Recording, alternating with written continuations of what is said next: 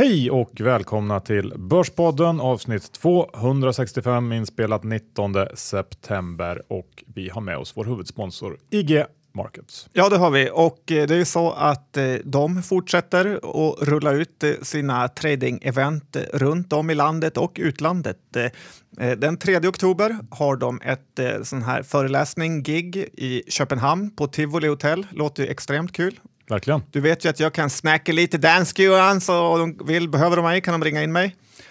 Och ännu bättre så har de ett i Luleå som eh, får man vara imponerad över att de inte bara eh, ger Stureplan-människorna något utan även norrbottningarna. Och det är 23 oktober i Luleå. Så gå in på IGS hemsida så kan du anmäla dig på de här två eventen. De andra är fulla och det är ju högt sug på olika eh, saker. Så där kan man nätverka och gå och träffa andra traders. Kul!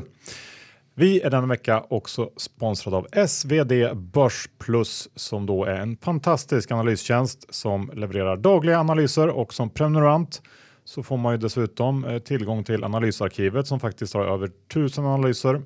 De har modellportföljer eh, och så vidare. Det här är ju en eh, riktigt bra tjänst tycker jag. Ja, men det är det verkligen. Att varje dag få två aktuella bolag analyserade i sin mejlkorg är ju otroligt bra om man vill lära sig saker om börsen. Eh, jag läser dem faktiskt varje dag. Ja, samma här. Och vill man prenumerera och dessutom är kund eh, hos Nordnet Private Banking, ja då eh, har man tur för eh, då får man 50 rabatt. Eh, Eh, då är det bara att mejla till privatebanking.nordnet.se och vill man prenumerera utan att vara kund där så går det också bra såklart. Ja, jag tror att det är värt pengarna oavsett. Ja, SvD Börsplus. John, idag, vad ska vi prata om? Ja, idag har vi ju lite olika bud. Vi ska prata om daytradernas revansch och eh, så har jag nosat upp några riktigt kassa bolag som jag tycker. Och lite vinstvarningar. Ja, även preffar. Det här är ju så gosigt avsnitt så att det är bara snabbspola fram. Nu kör vi! Johan Dr. Bass Isaksson, index är på 1637 och eh, ja, jag tycker ändå att eh, det är lite eh, svajigt. Det är vinstvarningar och det är eh, aktier går upp. Vad ska man tro om marknaden? Ja, men jag håller med. Lite svajigt är det och eh, det blir väl kanske först eh, i samband med Q3-rapportperioden som vi får lite mer riktning. Men eh, det är ju som du sa vinstvarningssäsong. Den har börjat. Husqvarna var en av de första ut. Vi har ju haft lite retailbolag, Zalando också i veckan här, vinstvarna. Och eh, kanske inte helt oväntat eh, att det är de här bolagen som har påverkats av eh, det varma vädret i somras som är först ut med att varna. Eh, men det ska ändå bli intressant att se om det blir några fl fler bolag. Ehm, för förutom de här eh, olika typerna av handlare så tror jag att, eh, eller jag är intresserad av att se hur de verkstadsbolag som har en, sin tyngdpunkt i Europa går just nu. För att givet de här makrosiffrorna som har trillat in sista tiden så borde det kanske kunna finnas lite nedsida bland dem. Det var jättevarmt i gruvan i sommar. Arbetarna orkar inte hacka i berget. Nej, jag vet inte om det har så mycket med vädret att göra. Det är mer bara en, det ser ut att vara en lite mer generell konjunkturell avmattning om man tittar på de europeiska siffrorna. Men vi får se helt enkelt. Det är fortfarande ett tag kvar tills rapportperioden drar igång på allvar. Det är väl en månad ungefär så att det finns tid att vinstvarna. Ja, lite trist ur daytrader perspektiv att vinstvarningarna är på mor morgnarna och eh, efter stängning istället för mitt under dagen. Det var alltid en liten extra kicker får man säga. Ja, men det kan ju hända eh, ändå kanske. Ja, kanske. Ja. Du, Apple har ju haft eh, event nyligen och släppte sin nya mobil och så vidare. Det här eh, tycker jag i alla fall inte känns som en lika stor grej längre som det en gång var, men eh, jag noterade i alla fall att den nya Apple Watch eh, har en hel del intressanta nyheter. Du har ju en sån va? Ja, den eh, funkar jättedåligt som löparklocka kan jag meddela. Ja, kul att höra. Men den nya versionen har bland annat EKG Eh, än så länge bara i USA, men eh, i takt med att de får godkännande från berörda myndigheter så rullas det väl ut överallt gissar jag och den har eh, också falldetektor som kan hjälpa dig att ringa nödsamtal om du ramlat. Eh, lite som ett trygghetslarm och det känns helt enkelt som att man siktar in sig på den lite äldre delen av befolkningen och eh, jag tänker bara spontant sådär att det här är inte någon jättekul utveckling för Doro. Nej, men det känns som Doro kan själv dö utan ens att ha några konkurrenter. det vet jag inte. Men och en... eh, även hur, hur många extra samtal vården kommer få av att folk missuppfattar eh, Apples olika EKG-siffror. ja, det är möjligt. Men, men det, jag tycker att det är Eh, bra, ändå bra eh, nya funktioner och eh, blir spännande att se hur det här, om det har någon påverkan på Doro. Vi får se. Mm, du kanske ska byta ut din rolle till en eh, jätteåtsittande Apple Watch. Ja, så gammal är jag väl för sig inte än, men eh, ja, snart så. Du, John, du vill prata lite om daytraders eller daytradernas revansch. Ja, men man är ju lite lycklig nu. Det här budet på Cinnober blockerades ju av, eh, lite slarvigt kan man väl säga, ett gäng daytraders och det gjorde en verkligen glad. Eh, när jag tog fredagsvirren så var det faktiskt dem jag tänkte på. För att eh, sen börsen blev, gick i Nasdaqs ägo så har den ju nästan bara blivit sämre och sämre för eh, småsparare och eh, folket i stort. Det är tick-sizen har tagits bort, det Merrill Lynch tillåts härja fritt i precis alla bolag. Eh, så att det går ju knappt att sälja en aktie utan att direkt bli frontad av en dator. Eh, kolen ändrades, kommer ni ihåg, när Börspodden försökte fixa till det utan lycka. Ja. Och, eh, så därför kände jag ändå att det var en väldigt gosig revansch här när fotfolket fick slå tillbaka. Att köpa 11 procent av sin Nobel och inte låta Nasdaq komma över det här så billigt. sen såg jag ju också idé här, en gubbe som suttit och tickat eh, Sagax A när vi ändå pratar om tick size. Och han blev fälld i domstolen för manipulation av detta och det är ju en gåta hur EBM kan lägga tid på det här. Eh, vad spelar det för roll om Sagax A är värd några kronor mer eh, någon dag eller kanske bara några minuter? Om nu Nasdaq tillåter robotarna att handla i enstaka aktier, fronta allt och alla, varför får inte en vanlig människa då bestämma vad han ska göra med sina pengar? Eh, att EBM konstant väljer att skydda utländska intressen och sätta dit eh, små medborgare är ju otroligt i min bok. Ja, jag håller helt med. Och eh, det här Sinaberbudet ska vi återkomma till lite senare John. Uh, I sändningen. Precis. Du, du, det är populärt nu med såna här tio år sedan Lehman-artiklar och uh, intervjuer. vi var ju också med då och tänkte att vi kan väl också säga någonting om hur vi upplevde Lehman. Till att börja med kan jag säga att när, när man läser de här um, artiklarna från, eh, eller med folk som var med så tycker jag alltid att alla eh, säger att ja, men vi såg vad som var på väg att hända och det här hade vi eh, förberett oss för. Personligen i alla fall så fattar jag absolut ingenting om vad som hände, eh, kommer jag ihåg. Eh, jag fattar inte innan, jag fattar inte när det hände och jag fattar väl egentligen inte efter heller. Det gick ju väldigt snabbt allting. Men eh, det fanns ju inte på kartan att, eh, för mig i alla fall, att tro att någon, någon bank som är lite, lite dåligt i USA skulle ha någon påverkan på oss i Sverige. Eh, så jag var ju helt, eh, helt bort bortfintad kan man säga, så jag fattar egentligen ingenting av det. Nej, det är typ Erik Olavi som inte är bortfintad. I övrigt så är det, var ju alla bortfintade och annars hade aktien aldrig stått på de här nivåerna. Eh, jag kommer ihåg själv när man gick ut från jobbet hur man liksom inte ens förstod att bilarna körde. När, man, när allt var över kändes det som när börserna var ner 10 procent per dag. Ja, men, men och i övrigt så hade jag ju ganska tur. Eh, jag förlorade inte några pengar direkt i finanskrisen och eh, det kanske starkaste liksom, direkta aktieminnet var ju när mitt stora innehav Net Entertainment när de hade en huvudägare i form av islänningar. Kommer ihåg, vad hette de, Straumur Burdaras Ja, eh, jag jobbar på Kauting ett tag Johan, så att jag kan, eh, är väldigt duktig på eh, krascher. På Straumer.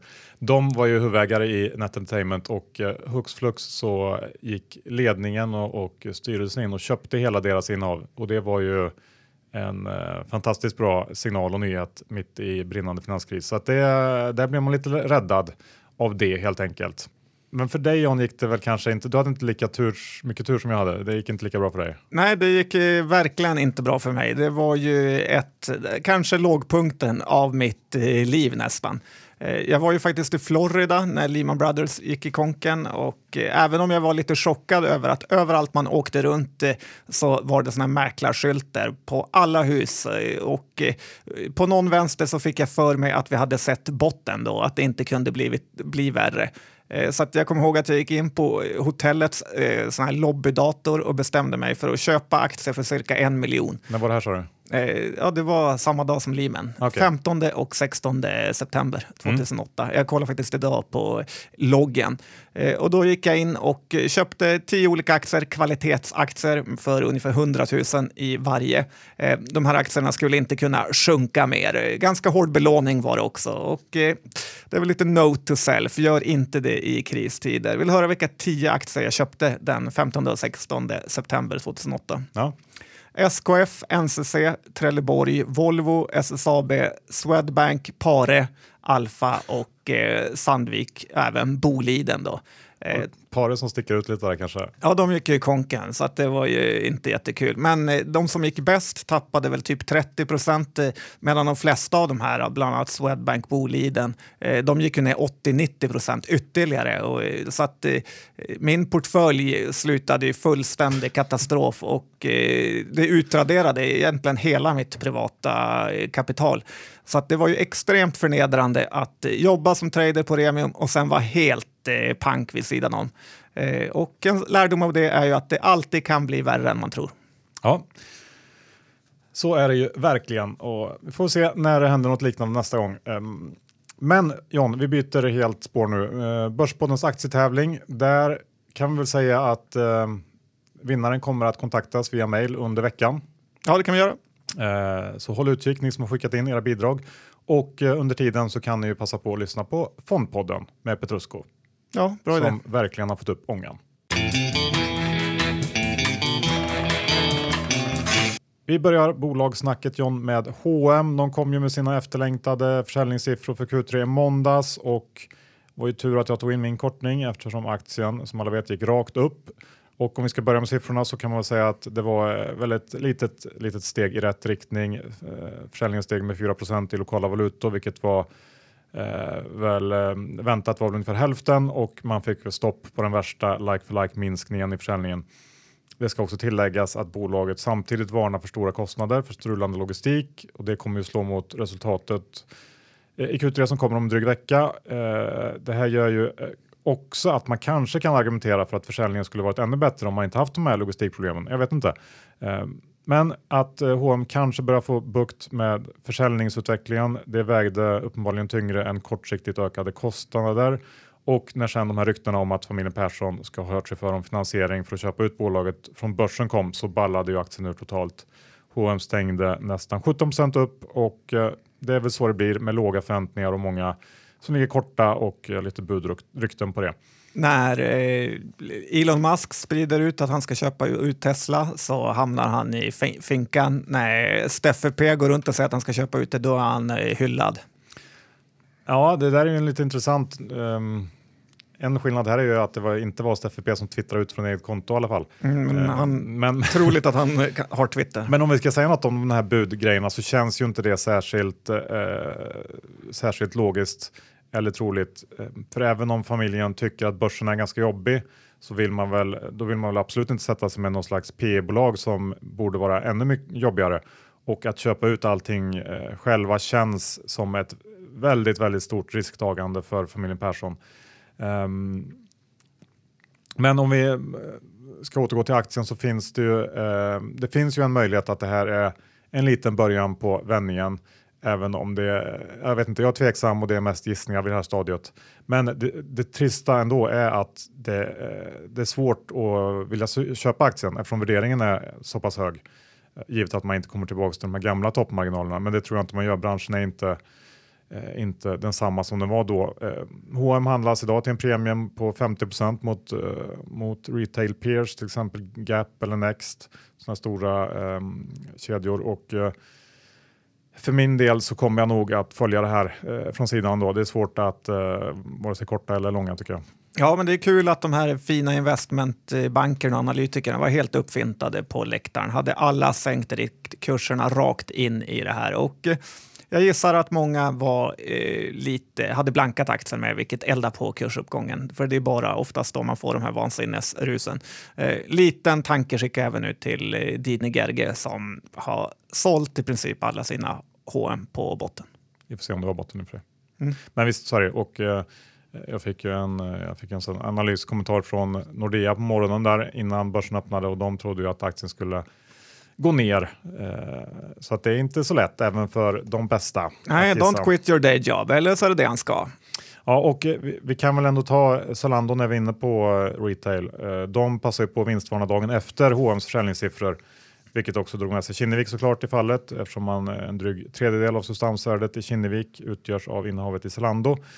Men det man sa var att tillväxten för 2018 blir lite lägre än vad man tidigare trott och eh, det justerade rörelseresultatet väntas hamna någonstans 150 till 190 miljoner euro eh, för helåret istället för tidigare prognos som låg kring 220-250 miljoner euro.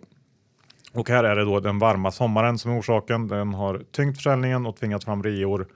Eh, är väl lite märkligt ändå. Vi pratade om det här på kontoret igår att eh, Zalando varnar för vädret medan H&M överträffar.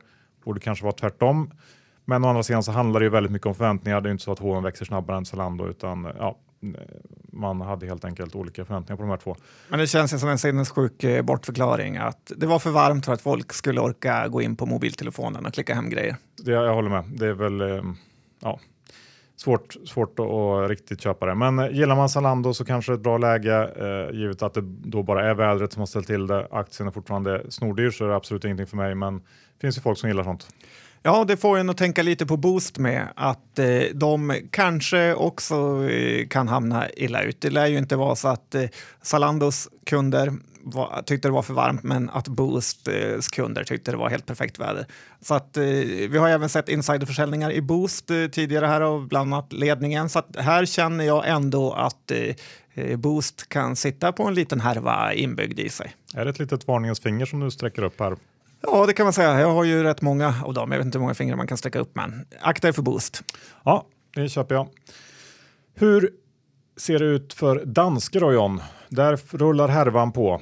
Ja, men det gör det ju. Att, eh, idag så hade de en typ av vinstvarning. Aktien är ju extremt eh, svajig och eh, det är precis ett eh, sånt eh, läge man eh, kan tjäna eller förlora pengar. Det är ju väldigt mycket lättare att förlora pengar i en sån här eh, härver än att tjäna.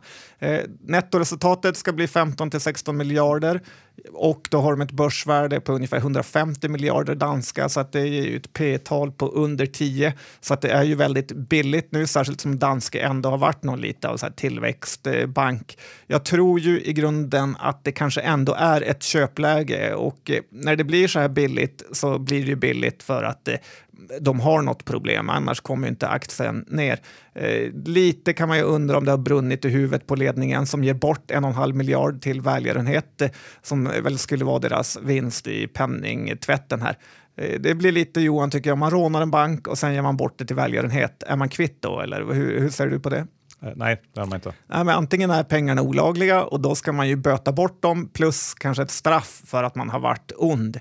Eh, och är de inte olagliga så ska man ju verkligen inte bara ge bort aktieägarnas pengar. Eh, hur som helst, aktien har ju gått från 260 till 170 nu, eller kanske 160. Den rör sig väldigt mycket. Så att, jag tycker ändå att det luktar ett eh, riskabelt eh, köpläge, eller kanske nedsnittning. Ja, det är väl det är svårt att tro att de ska rycka tillståndet för Danmarks eh, största bank, utan det kan nog bli kanske någon årsvinst som rycker, men sen är de på banan igen. Ja, det håller jag med om. Det är, det är nog så. Det man kanske kan vara rädd för även om böterna blir så pass stora att det krävs en uh, ny emission, men då, då ska det till fruktansvärt stora böter. Jag vet inte om det är rimligt eller inte. Jag uh, tror inte det, men vem vet? Nej, det är riskabelt, det ska man vara helt eh, medveten om. Ja, vi går över till Kambi. Eh, I veckan så kom första siffrorna från New Jersey och nya Kambi-kunden DraftKings. Siffrorna var betydligt bättre än väntat. 3 miljoner dollar i gross gaming revenue. Och DraftKings ser faktiskt ut att kunna bli en riktigt stor kund för Kambi eh, relativt snabbt. Men man ska komma ihåg att siffrorna är lite dopade av sättet man räknar på, det vill säga att även vad som ännu inte har avgjorts räknas in och det här inflaterar såklart siffrorna. Det kommer väl vara så antar jag hela första året tills man eh, rullar runt här på något sätt. Eh, men Kambi har för övrigt gått väldigt starkt sista veckorna och jag har ju haft en eh, springposition swingposition här kan man säga som jag har suttit med sista månaden och har sålt det sista här kring 190 men köper gärna igen om tillfälle ges framöver. Ja, det är ju så också hörde jag att det kan vara lite överdrivna siffror för att man vill boosta upp Eh, få de andra staterna att känna sig extra sugna på att få eh, skatteintäkter. Så att, eh, vem vet? Mm. Kul att följa i alla fall. Ett bolag som eh, har varit mindre kul att följa John, vet du vilket det är? Ja, Prime, det är ganska många. Prime Living tänkte jag på. Ja, så är det. Och eh, det är ju så att ABG bytte fot här stod det häromdagen och satte sälj på Prime. Det kan man tycka var ju inte en dag för tidigt, snarare ett par år för sent. Eh, jag är inte imponerad. Eh, alla som kan läsa lite bokföring har ju vetat i evigheter att det här i det närmaste är en eh, scam om man får säga taskigt. Eh, hur de har värderat i princip eh, sina baracker och inte skrivit av någonting nästan. Jag tycker lite synd om den här Dinkelspiel som var med i vår podd, och, alltså Jan Dinkelspiel, och hade Prime Living som största innehav. Kommer du ihåg vad jag sa då när han presenterade det? Ja, jag för mig att du var starkt kritisk. Ja, jag sa att, det här, att jag ansåg att det närmaste var liksom en bluff. Eh, hans portfölj på Shareville har ju gått i ja, kraschat kan man säga efter det här de senaste tre månaderna i samband med att Prime Living också har kollapsat. Eh, håller borta från alla fyndköp och jag kan faktiskt tycka att all media förutom Börspodden inte gjort sin medborgerliga plikt här. Nej, men skönt att det finns några som gör det i alla fall. Mm. Eh, vi fortsätter vinstvarningssnacket. John Husqvarna. Ja, det verkar vara bra vinstvarna om man säger rätt saker. Ja, precis.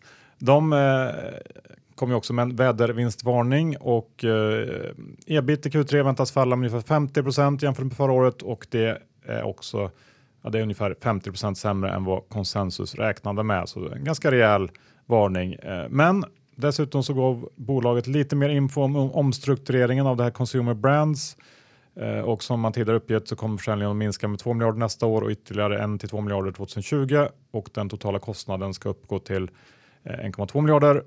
Men de årliga kostnadsbesparingarna väntas uppgå till 250 miljoner och det var väl den här siffran eh, samt att man då upprepar sitt mål om 10 i ebit-marginal nästa år som fick aktien att vända upp under dagen.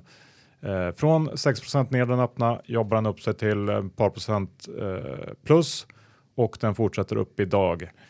Eh, inget som jag fattade då, jag tjänar inga pengar på det, eh, men eh, så är det och ehm, tittar man på det här så prisar å andra sidan analytikerna redan in att man i princip når det här målet om 10 ebit-marginal nästa år innan den här varningen.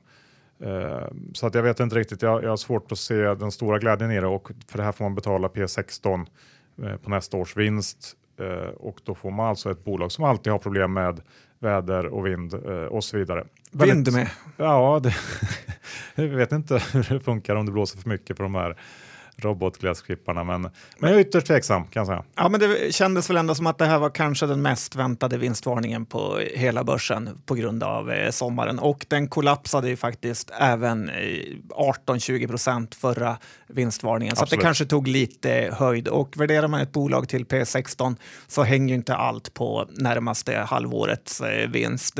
Jag tycker ändå Husqvarna har något med dyrare och dyrare gräsklippare och jag kan tänka mig att det här blir ett litet krispigt bolag bolag med toppmärkesprodukter när de har eh, skickat ut sin white label-verksamhet. Men såklart att aktien skulle gå upp på det här känns ju helt eh, oväntat. Ja, och det är väl precis det som börsen också ser, ett litet krispigt bolag med premiumgrejer. Ja, krispigt är dyrt. Bra, vi fortsätter John och pratar om någonting eh, lite mer spekulativt, eh, minst sagt. Jag tänker på det här vågkraft, eh, vad heter det, Minesto? Ja, berätta hur mycket pengar du skulle ha innan du börjar investera i sådana här bolag. Ja, men det spelar ingen, ingen roll hur mycket jag har, det skulle aldrig hända. Nej, men det här är ju kanske det bolaget som är min minsta favorit på börsen just nu. Den har ju haft en rejäl rusning sista tiden. Eh, och nästan dubblat så här. Det är en småspararfavorit och vi har även haft en del lyssnare som har skickat in det här som sitt favoritcase. Och, eh, redan nu säga till er som gjorde det att eh, ni kommer inte få komma hit. Nej, titta inte er mejlkorg efter Börspodden, mejl kan vi säga. Men som sagt, eh, de här gör ju en typ av flygplan drake med propeller som ska alltså flyta då i åttor under vattnet och följa vågorna eh, och på så sätt eh, skapa energi med någon typ av rep ner till botten. Allt sunt förnuft säger ju att det här inte kommer fungera. Det är ju så otroligt krångligt jämfört med till exempel ett vindkraftverk eller lite solpaneler. Så att det, eller ett kärnkraftverk. Ja, och att det här bolaget har ett börsvärde på 1,8 miljarder gör ju ändå att man känner att det är en väldig fallhöjd om eh, nu de här flygplanen skulle trassla in sig i varandra under vattnet eller vad som nu kan hända. Jag ser att eh, ja, Stay out är ju min eh, starkaste rek. Det positiva får man väl ändå ge dem att de har hyfsat mycket pengar i kassan så att de kan bränna dem ett tag till. Och att de försöker. Ja, är alltid kul med någon som eh, tänker nytt. Men de här, den här typen av bolag har man ju, ser man ju med jämna mellanrum på börsen och eh, det blir väl egentligen utan undantag aldrig någonting. Nej, vi kommer ihåg Morphic som skulle lagra vindkraft, energi och allt vad de höll på med. Det är tuffare än man tror. Ja. Eh, en liten snabbis, Pandora steg igår 7% var ett tag mer än så också, 12-13 tror jag, på rykten om intresse från riskkapitalbolag som ska då vara sugna på att köpa upp det här eh, Pandora. Eh, låter ju kanske inte omöjligt, även om det var oerhört knapphändig info om det här. Eh, jag tänkte, precis som du var inne på nyligen eh, när vi pratade om HMR på Elon Musk, det verkar som att han har startat en slags trend när det gäller att dra igång uppköpsrykten kring hårt pressade och blankade aktier och um, ja, jag vet inte. Det, vi får nog vänta och se om det kommer mer info kring det här innan man kan säga någonting vettigt om Pandora. Att liksom ett modeland som Italien som har startat de största modesmärkena i världshistorien skulle vara intresserade av danska bling-bling grejer tar jag inte för givet kan jag säga. Eh, fortsätt blanka den här aktien. Preffarna då, John? Ja, men det här är ju lite kul faktiskt. Att Nordea har ju gått ut och sagt att eh, man tror det kommer bli en räntehöjning lite tidigare än eh, folk har trott förut. Och där har man sett att Nordea faktiskt eh, sålt väldigt mycket preffar. Eh, de har kommit ner överlag och det tycker jag faktiskt att man ska utnyttja. Eh, för att Ingves eller ECB kanske höjer eh, räntan lite grann så att vi nästan kommer upp på nollränta är ju in, på inget sätt eh, slutet för den här preff-eran. Eh, ett utmärkt sätt att hålla koll på den generella prefereringen kan jag tycka är att man tittar på den här amerikanska ETFen PFF eh, som då innehåller en väldig massa olika preffar. Eh, den gildar för tillfället 5,5 procent och då får man ändå tänka på att den amerikanska tioårsräntan nu är över 3 procent och den svenska tioårsräntan är 0,6. Så får man kring 6% för en preff så tycker jag det är riktigt bra. Eh, Sagax D som vi pratat mycket om förut har ju verkligen varit eh, lyckosam och eh, är därför inte heller min eh, favorit längre. Eh, utan den jag har satsat mina pengar på i det här fallet är nu klöverpreffen faktiskt, eh, som jag tycker ger bäst värde vad man får för eh, pengarna. Kanske en viss Rutger-rabatt där Johan, men medan sådana här som Oscar Properties utnyttjade utnyttja det, det finstilta och lösa in de här preffarna så billigt som möjligt så gjorde ju Rutger precis tvärtom och satt, eh, sa att eh, eh, preffägarna är precis lika viktiga för honom som de vanliga och höjde ju inlösenkursen till 500 i Klövern-preffen. Eh, nu är den inte i närheten av det, men det var en fin eh, gest tycker jag. Och eh, sen var jag ju lite lur på om Klövern skulle utfärda lite mer preffar för att köpa upp Tobin eh, innan utdelningen då. Men det är ju för sent att göra det nu skulle jag säga om man ska hinna regga och allt vad det heter. Så att eh, utdelningen är då om en dryg vecka. Eh, dessutom så äger ju Klövern redan 75 procent av Tobin och Tobin är ett ganska litet bolag så att det här är ingen big deal. Eh, jag tycker dock att Rutger och andra preffutfärdare borde göra som Sagax och splitta sina preffar i till i en tiondel. Då, så att det, för det har skapat en extremt bra likviditet i Sagax D-aktien. Eh, och det tror jag många institutioner gillar. För tittar man på Sagax så är på varje nivå så står det aktier för flera miljoner. Så att, eh, ja, och likviditet gillar vi. Ja, bra tips både till de som vill köpa preffar och de som ger ut. Ja. Inte dumt. Eh, jag lovade ju att vi skulle säga någonting eller att jag skulle säga någonting om Sinober och budet där på Nasdaqs bud eh, och det är väl dags nu. Ja, skönt att få höra. Ja, men, jag gissar på att du tycker man ska acceptera det. Vi, vi, vi går igenom det här så får vi se vart vi hamnar. Det är alltså 75 kronor kontant som eh, man får och eh, det här budet har då stöd av styrelse och 18 procent av rösterna, däribland grundare och huvudägare Nils Robert Persson. Eh, det här är ju en logisk affär. Sinober skulle passa bra hos Nasdaq tror jag och eh, när det sen då kommer till nivån på budet och huruvida den är hög eller låg så råder det ju lite delade meningar som du var inne på i början här. En grupp privatägare med Labull i spetsen blocka, säger sig ska blocka det här budet. De har 11 procent av aktierna, eh, tycker att det är ett skambud och eh, de menar att potentialen inte reflekteras i budet. Och här, ja, det är vi, ju, eh, jag har väl lite svårt att hålla med om det. Sinober har ju egentligen aldrig tjänat särskilt mycket pengar. Eh, och de här nya satsningarna, eh, Simplicium och eh, Minium, som drog upp förväntningarna och börsvärdet rejält förra året, har ju absolut inte levererat. Det, det har ju varit en katastrof får man väl säga i år egentligen. Eh, däremot så kan jag hålla med eh, dem i kritiken kring eh, att bolaget tog in mycket kapital i en nyemission under, eh, under 2018 eller 17 var det till, eh, jag tror man tog in på ungefär 87 kronor per aktie. Det vill säga det är en nivå som är ganska långt över budkursen och att man nu då från styrelsen eh, styrelsens håll rekommenderar ett bud som är långt under eh, efter en relativt kort tid lämnar väl lite trist eh, eftersmaken då. Jag hade ju inte gillat det här heller om jag hade varit med eh, i den. Men givet vad som har hänt i år då, eh, den totala kollapsen, eh, förluster som har fullständigt exploderat så kan man ju också argumentera för att nedsidan utan bud skulle vara eh, Eh, väldigt, väldigt stor. Så att jag, jag, mm, om man väger samman allting så tycker jag ändå att 75 spänn är någonting som man får vara ganska nöjd med. Ja, saker förändras ju och eh, om du renoverar ditt hus för eh, lite pengar och eh, folk inte uppskattar vad du har stoppat in så kan du inte säga att du eh, ska ha tillbaka alla pengar bara för att det är det det har kostat. Eh, eh, det är en tuff marknad där ute och ibland får man nöja sig med lite. Eh, jag hoppas ändå att de stoppar budet eller får en höjning. Skulle göra ont i lilla Nasdaq-fickan. Ja, bra, då lämnar vi det och avslutar med en finsk favorit. Jag tänker på Aino. Ja, jag vet inte vem det är favorit för. Kanske för emissionsinstituten. Eh, instituten. Det är ju nyemission i skammens bolag faktiskt.